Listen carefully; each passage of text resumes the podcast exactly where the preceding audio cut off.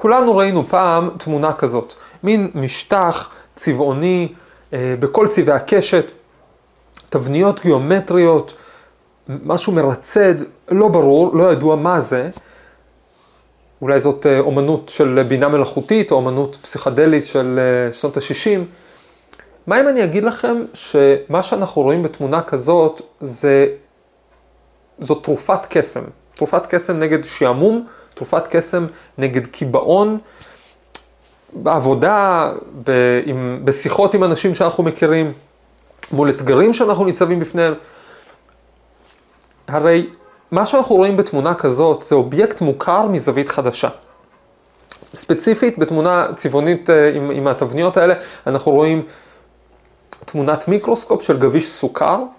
זה גביש שצמח מתוך טיפה של אה, ליקר, טפטפו ליקר, הוא התייבש, גבישון סוכר, הסוכר הוא רגיל ביותר, לא צריך להיות איזה ליקר מיוחד, ככה נראה סוכר כשמסתכלים עליו במיקרוסקופ. מסתכלים עליו במיקרוסקופ מסוים, מיוחד, שמשתמש באור מסוים, שנקרא אור מקוטב מישורית, יש אותו, יש סביבנו הרבה אור, זה אור מסוים. וכשאנחנו מסתכלים עליו במיקרוסקופ הזה, אנחנו רואים את התמונה הנפלאה והנהדרת הזאת. אז איפה פה תרופת הקסם נגד השעמום, תרופת הקסם נגד הקיבעון? אולי סוכר זה הפתרון נגד, אה, זה, זה תרופת קסם, ואולי אלכוהול זו תרופת קסם. אה, אני לא חושב, יש שיגידו שכן, אבל אה, אני חושב שתרופת הקסם היא ללמוד להסתכל על דברים מוכרים בעיניים חדשות. ללמוד לקחת משהו מוכר כמו סוכר ולהסתכל עליו בעיניים חדשות, בשביל ללמוד איך עושים את זה צריך להסתכל אולי על מקום שעוסק בפליאה, מקום שכל הזמן מגדיל אה, ומעשיר את כמות הפליאה שיש בעולם, כמות ההתפעלות מהדברים המוכרים באופנים חדשים, שזה המפעל המדעי. מה אפשר ללמוד מהמפעל המדעי? על איך להסתכל על דברים מוכרים ולראות מהם משהו חדש, בשביל להתלהב, בשביל להתפעל, בשביל לגלות עניין חדש בתוך משהו שהיה לכאורה משעמם. הרי מה ההפך משעמום? לכולנו יכול להיות משעמם בעבודה, אנשים שאנחנו מדברים איתם. צריך לכתוב איזה דוח או מייל ואין לי כוח, כבר עשיתי כאלה, או שבעלי או אשתי מספרים את אותו סיפור שוב ושוב, אותם אנשים, אותם ילדים, אותו בן זוג, מה ההפך משעמום? ההפך משעמום לדעתי הוא פליאה. היכולת להתפעל מדברים חדשים, היכולת להתפעל מדברים ישנים. סוד הפליאה, מה שנקרא באנגלית sense of wonder, הוא גם הסוד לחיים מרגשים יותר. ללא תלות במה אתם עובדים וללא תלות כמה פעמים כבר אה, אה, שמעתם את אותו סיפור מאותו בן אדם. ומה אפשר ללמוד ממדענים על פליאה ושעמום? הרי במדע פליאה אמורה להיות חוויה יומיומית. מדי יום המדענים מגלים דברים חדשים בעולם, מדי יום צריכים להתפעל.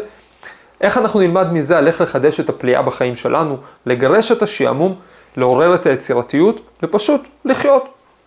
שלום לכם, תודה שהצטרפתם אליי לפודקאסט המדע מחפש משמעות. אני דוד אייזנברג, אני פרופסור לכימיה בטכניון. בפודקאסט הזה אנחנו מדברים על תגליות, על מגלים, מציפים דילמות ומסתכלים על זוויות חדשות בעולם המדע, בעולמם של המדענים בכלל, אה, ובאופן כללי מנסים להבין את הרלוונטיות, המשמעות והכוחות שאפשר לשאוב מעולם המדע לחיים שלנו. הפעם נדבר על איך מוצאים את תחושת הפליאה גם כשהכול מוכר ומשעמם. איך מחזירים את התחושה הזאת. בעצם למה מחזירים? הסיבה שצריך להגיד מחזירים את תחושת הפליאה ולא מוצאים אותה סתם, זה שבעצם לכולנו היה אותה. אה, כשהיינו ילדים, תחושת הפליאה שלנו, היכולת שלנו לראות דברים ולהגיד וואו, או להרגיש את הוואו הזה, אי אפשר להשוות את זה לשום דבר. כשלוקחים ילד ועושים לו כפית של אוכל, הנה בא אוכל אה, אה, אה, בצורה של אווירון, זה מלהיב אותו אה, הרבה יותר מאשר את המבוגרים שיושבים ליד השולחן, שכבר ראו דבר כזה פעם או פעמיים. הם מראים לילד אנימציה של סוס ורוד שמישהו צייר בחמש דקות, ההתרגשות שלו עצומה. בשביל לרגש מישהו כמונו אה, אה, על ידי אנימציה, צריך להשקיע באנימציה הזאת כנראה מאות מיליוני דולרים. איך ילדים מאבדים את הפליאה הזאת, זה לא סיפור להיום, אולי זה סיפור לפעם שנדבר על מערכת החינוך. אבל, וגם לא נדבר היום בפרוטרוט על מה קורה כשמשהו מחזיר לנו את הפליאה הזאת בכוח. אגב, למשל, משהו שמחזיר את הפליאה הזאת באופן שאי אפשר להתנגד לה כמעט, אמ, זה עניין של לידה. הרי אנשים נולדים בעולם כל הזמן, כל יום נולדים המון אנשים. אבל כשאתה נמצא ליד אירוע כזה, מקרוב, ואתה זוכה לחוות אותו, זה כאילו קוראים לך את המסך מלראות את, ה, את הפלא של להיות חי, את הפלא של לבוא אל החיים האלה. אגב, ברוך השם, נולד אה, בנינו השביעי, אה, וכולם בריאים, ברוך השם. אה, וזאת חוויה אבל אה, מטלטלת, כי פתאום אתה רואה שכמה כל הסיפור הזה מופלא. לא, לא, הבטחתי לא להיכנס לזה עכשיו, פעם אחרת. אבל אנחנו, אני רוצה לדבר על איך מביאים את ה... מייצרים את הפליאה, איך מוצאים את הפליאה מחדש או, או, או מאפס, ומה, ואיזה דברים אפשר ללמוד מהמדע. אני רוצה לדבר על שלוש דרכים או שלושה אופנים של אה, מלחמה בשעמום, של אה, גילוי פליאה.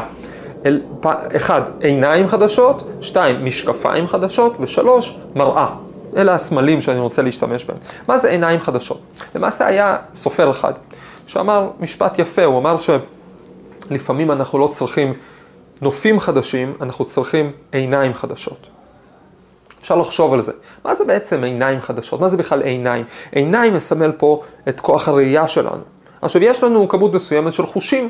יש לנו ראייה, שמיעה, מישוש, טעם, ריח, אה, חוש של אה, אה, תאוצה, גרביטציה, מקומנו במרחב, כאב, לחץ. יש לנו איזו רשימה של חושים, כמובן גם מעבר לחמישה הקלאס, הקלאסים, יש רשימה מסוימת של חושים. אבל בעצם זה כל כך מעט. הרי יש חיות עם הרבה יותר חושים, מאוד מאוד מעניינים, יש אה, דבורים וצבי ים שיודעים, ועוד חיות שיודעים להרגיש בשדות מגנטיים, אנחנו עד כמה שידוע לא יודעים להרגיש שדות מגנטיים ולהתכוונן לפיהם, נחשים רואים קרינה אה, אולטרה אדומה, אינפרה אדומה, אה, פרפרים רואים קרינה אולטרה סגולה, זאת אומרת יש איזשהו פרח. שאנחנו מסתכלים עליו הוא לבן, אבל מבחינת פרפר הוא מרצד בכל הגוונים. אבל לנו יש יתרון אחר. אין לנו את החושים הנפרדים שיש לחיות הנפרדות, אבל אנחנו יכולים לייצר אותם. זאת אומרת, בזכות הכלים של המדע, אנחנו כל הזמן מפתחים עיניים חדשות, יותר, יותר טובות משל החיות, למשל, אה, אה, יותר טובות בפועל או יותר טובות בכוח, בפוטנציה. אה, למשל השמש, השמש המוכרת שלנו, אם סתם אנחנו מסתכלים עליה, היא בצבע צהוב, ואולי חיה אחרת שיכולה לראות עוד קצת לתוך איזה תדר, היא תראה לה בגוון קצת אחר, אולי שגוון שלא נוכל לתת לו שם. אבל אנחנו יכולים להסתכל על השמש בקרני רדיו ובקרני מיקרוגל, זאת אומרת על האור שהשמש פולטת בקרני רדיו ובקרני מיקרוגל ובקרני גמא ובקרני, אה, ובהמון המון המון סוגים של אורכי גל, והתמונות שאנחנו רואים בדברים האלה, בעיניים החדשות האלה, הן תמונות מרהיבות לגמרי. המדע נתן לנו בעצם עיניים חדשות להסתכל על משהו מוכר. לא צריך ללכת רחוק, לא צריך ללכת אה, עד ל... אה, עד, ל, אה, אה, עד לשמש, אפשר להסתכל על משהו קרוב אלינו, להסתכל למשל על האור שלנו, מסתכלים עליו, הוא נראה די מוכר, יש עליו כל מיני פסים, אבל בעצם באמצעות המדע, הכלים של המדע, העיניים של המדע, להסתכל על האור הזה במיקרוסקופ אופטי, במיקרוסקופ אלקטרוני, במיקרוסקופ אלקטרוני סורק או, או, או מעביר, מגלה לנו את הרקמות המדהימות והיפיפיות שבנויות שם, את מה, מה נותן להם אלסטיות ומה נותן להם חוזק, ואם יורדים למטה רואים איך, הדבר, איך זורם, בפ... בהגדלה, יורדים למטה בהגדלה רואים איך זורם בפנים הדם, ואם יורדים עוד למטה רואים איך בעצם מ, מ, מרכיבים לא חיים בנויה כל המערכת החיה המופלאה הזאת. זאת אומרת, כל מכשיר מדידה הוא בעצם איזשהו זוג עיניים, מאפשר לנו להסתכל על נוף, גם על נוף מוכר, גם על נוף שנמצא סביבנו, גם על נוף שראינו הרבה פעמים, בעיניים חדשות. אלה עיניים של מסה, עיניים של תדירות, עיניים של שדה חשמלי, של כבידה, אלה חושים חדשים שנותנים לנו עיניים חדשות לנופים חדשים. וזה במיוחד נפלא, אני לא יכול שלא להזכיר את זה פה. זה נפלא וחשוב כשמדענים לא שומרים את זה לעצמם, כשמדענים נותנים לפליאה הזאת מהעולם המוכר והלא בלתי מוכר שסביבנו, גם לזלוג החוצה. ואני קורא לכל המדענים שמקשיבים, לא לסגור אצ- אצלם, לא להשאיר את זה אה, בקרב החוגים המדעיים הפנימיים, אלא לשתף את הציבור הרחב וגם את הציבור הקרוב בפליאה וביופי שהם רואים בתמונות מהשמש וממאדים, בריקוד החלבונים של התא, מה שרואים צריך לספר לאחרים. אגב, זה, זה ממש התפקיד שלנו, ויש ל, ל, להחזיר חלק בעצם מי שמשלם את המשכורת שלנו. רוב המשכורת שלנו מגיעה ממשלמי המיסים, וצריך, אה, וזה אחד הדברים לדעתי שצריך לזלוג מהמדע לעולם בחוץ, תחושת הפליאה. הרי זה מה שעשו בעצם טובי מפיצי המדע. ריצ'רד פיימן, הפיזיקאי הנודע שאני עוד אזכיר עכשיו, שדיבר על זה שאנחנו, אני חושב שזה הוא אמר, כן, אני, אני אטום ביקום ואני יקום של אטומים. פתאום אתה מסתכל על הדברים ועל הקשר ביניהם ועל הניגוד ביניהם וזה יפה. עכשיו כל זה זה יפה, זה יפה. עיניים חדשות על ידי מכשירים חדשים. השאלה היא, זה לא קצת בידור? הרי בסופו של דבר, אם, מה, מה אני יכול לקחת מזה לחיים שלי? מה אני יכול לקחת מזה לעבודה שלי? אם מישהו מספר לי סיפור משעמם, או אם אני צריך לעשות מטלה משעממת, או אם אני תקוע מול בעיה קשה, ש, שאני מרגיש שאני תקוע מולה כבר הרבה זמן ואין לי דרך להתקדם, אני לא יכול להסתכל על זה במיקרוסקופ או בטלסקופ. אה, אה, זה, זה לא פתרון, זה נכון שבמדע מרוויחים פליאה בזכות עיניים חדשות, וזה נחמד שהם משתפים אותנו וגורמים לנו להתלהבות, אבל מה בעצם אה, אפשר לעשות עם זה בפועל במשהו שהוא לא מדיד בכלים פיזיקליים דווקא? בשביל זה מגיעה הנקודה השנייה. הנקודה השנייה היא משקפיים חדשים. עכשיו, הזכרתי לפני דקה את ריצ'רד פיינמן. ריצ'רד פיינמן היה פיזיקאי דגול, זוכה פרס נובל, וגם אה, מורה מאוד אה, טוב וידוע. והוא סיפר איך אבא שלו אימן אותו, בלפ... ב... ב... בלשים משקפיים חדשות. הוא מספר שמסביב לשולחן האוכל, אבא שלו היה אה, משחק איתו במין תרגילים כאלה. הוא היה אומר, נגיד אתה חייזר ממאדים, ואתה נוחת בכדור הארץ, ואתה רואה תופעה שלא נמצאת במאדים. אתה רואה שאנשים פעם בכמה זמן שוכבים ומאבדים הכרה, ואחרי כמה זמן הם חוזרים להכרה שלהם וממשיכים לפעול. זאת אומרת, נגיד שבמאדים אין שינה ואתה מגיע לכדור הארץ ואתה רואה את התופעה של השינה. איזה שאלות אתה רוצה לשאול על התופעה המוזרה הזאת שאתה רואה בתור חזר ממאדים? ואז פיינון מספר שהוא היה מתחיל לחשוב איזה שאלות. אם אני לא מכיר את התופעה הזאת ואני חייזר ממאדים, אולי אני רוצה להבין מה קורה למחשבות שלהם. למחשבות שלהם כשהם, נרד... כשהם, כשהם נכנסים למצב האי תודעה הזה. אה, נגיד, המחשבות שלהם מאיטות לאט לאט, או שהן נכבות בבת אחת, מסוג השאלות המדעיות שמדען שואל כשהוא מסתכל על תופעה ו- ו- ו- ודורש להפיק ממנה את הלא לא נודע. זאת אומרת שהסוד השני של משקפיים חדשות הוא משחקי דמיון, משחקי דמיון עם עצמנו. אני חייזר ממאדים, איך אני רואה את התופעה הזאת? אני ילד קטן שלא ראה דבר כזה אף פעם, איך אני רואה את הדבר הזה? יכול להיות, אני המורה שלי או המורה שלי, להרבה, אחת הסיבות שיש לאנשים לפעמים תמונה במשרד, זה שמסתכלים על התמונה הזאת, תמונה של אה, מישהו או מישהי חשובים, שלימדו אותם, זה בשביל לעורר אותם להסתכל על דברים גם מהזווית שלה או שלו. לשאול את עצמם מה היא הייתה אומרת על זה, מה הוא היה אומר על זה. ובעצם משקפיים של בן אדם אחר עוזרות לנו לראות את הסיטואציה מולנו. אגב, זה טריק של, גם של מתכנתים, של אה, להסביר את הקוד שלך שורה אחרי שורה לברווז גומי, זה, יש טכניקה כזאת, נקרא rubber ducking, אפילו מלמדים את זה. אמ, ומה זה הנקודה הזאת של להסביר את הקוד לאיזה ברווז שעומד על המדף? זה לדמיין שנייה שאתה מישהו שלא מבין את הקוד, ולנסות לראות אותו מזווית של מישהו אחר, בעצם לשים משקפיים של מישהו אחר, במקרה הזה זה ברווז, אני לא יודע מה מדמיין מתכנת שחושב, שמדמיין את עצמו כברווז, אה, אבל, אבל אולי עצם הלדבר על זה עוזר גם כן, זה גם טריק של שחקנים, תרגיל ידוע ש, שסיפרו לי של, של שחקנים זה לקחת אובייקט מוכר ולהתחיל להראות מה אפשר לעשות איתו ו, ואסור להפיל את ה... שכל אחד יהיה צריך למצוא איזה שימוש חדש לחפץ מוכר במסגרת האלתור. כלומר זה מאפשר לנו לשנות פרספקטיבה על חפצים מוכרים. אבל חוץ מזה שזה טריק של מתכנתים ושל שחקנים, זה בוודאי טריק של מדענים, בראש ובראשונה. אני רוצה לספר סיפור מרתק. מפרופסור גדי רוטנברג, שהוא, אה, זכיתי שעבדתי אצלו שנתיים כשעשיתי פוסט-דוקטורט בהולנד, וגדי הוא בן אדם מאוד רחב אופקים ומאוד רב גוני, והוא סיפר שפעם אחת הוא לקח לעבודה בן אדם והטיל עליו משימה. הוא אמר בוא ניקח מהטבע כל מיני סוגים של פסולת וננסה על ידי תהליכים קטליטיים להכין מזה דלק. ואז אולי יהיה לנו מקור חדש לדלק שהוא גם מנצל את הפסולת והוא גם אה, אפשר להניע איתו דברים. אז אותו עובד, אה, אותו חוקר, אה, בדק כל מיני דברים, באיזשהו שלב הוא מגיע לגדי ואומר לו, גדי, תראה, יצא לי קילו של ג'יפה. עכשיו, קילו זה סקאלה גדולה של להכין דברים בכימיה, זה הרבה, אבל הוא חשב בגדול, לקח כלי גדול, הכין איזה קילו של ג'יפה. אז גדי בא למעבדה לראות מה זה הקילו של ג'יפה. הוא אמר, תראה, אני ערבבתי דברים, ובמקום שיצא מזה, מזה דלק נוזלי, שזה מה שקיווינו, ציפינו, חשבנו, יצא גוש מוצק כזה של ג'יפה. מה, מה, מה, איך, איך, איך ללכת הלאה, מה השלב הבא של הניסוי, מה אתה רוצה שאני אעשה במקום מה שעשיתי? גדי מספר שהוא הסתכל על הג'יפה הזאת ואמר, אלברט, אתה אמנם לא עשית את הדלק שרצית, אבל אולי עשית משהו אחר? אולי יש איזה שימוש לג'יפה הזאת? אולי אפשר לעשות ממנה משהו שדורש מוצקים? הרי בסוף השתמשנו בזה, ב- ב- לקחנו בשביל כחומרי גלם לזה סתם דברים זולים מהטבע, אולי יש פה איזה, איזה, איזה ממצא.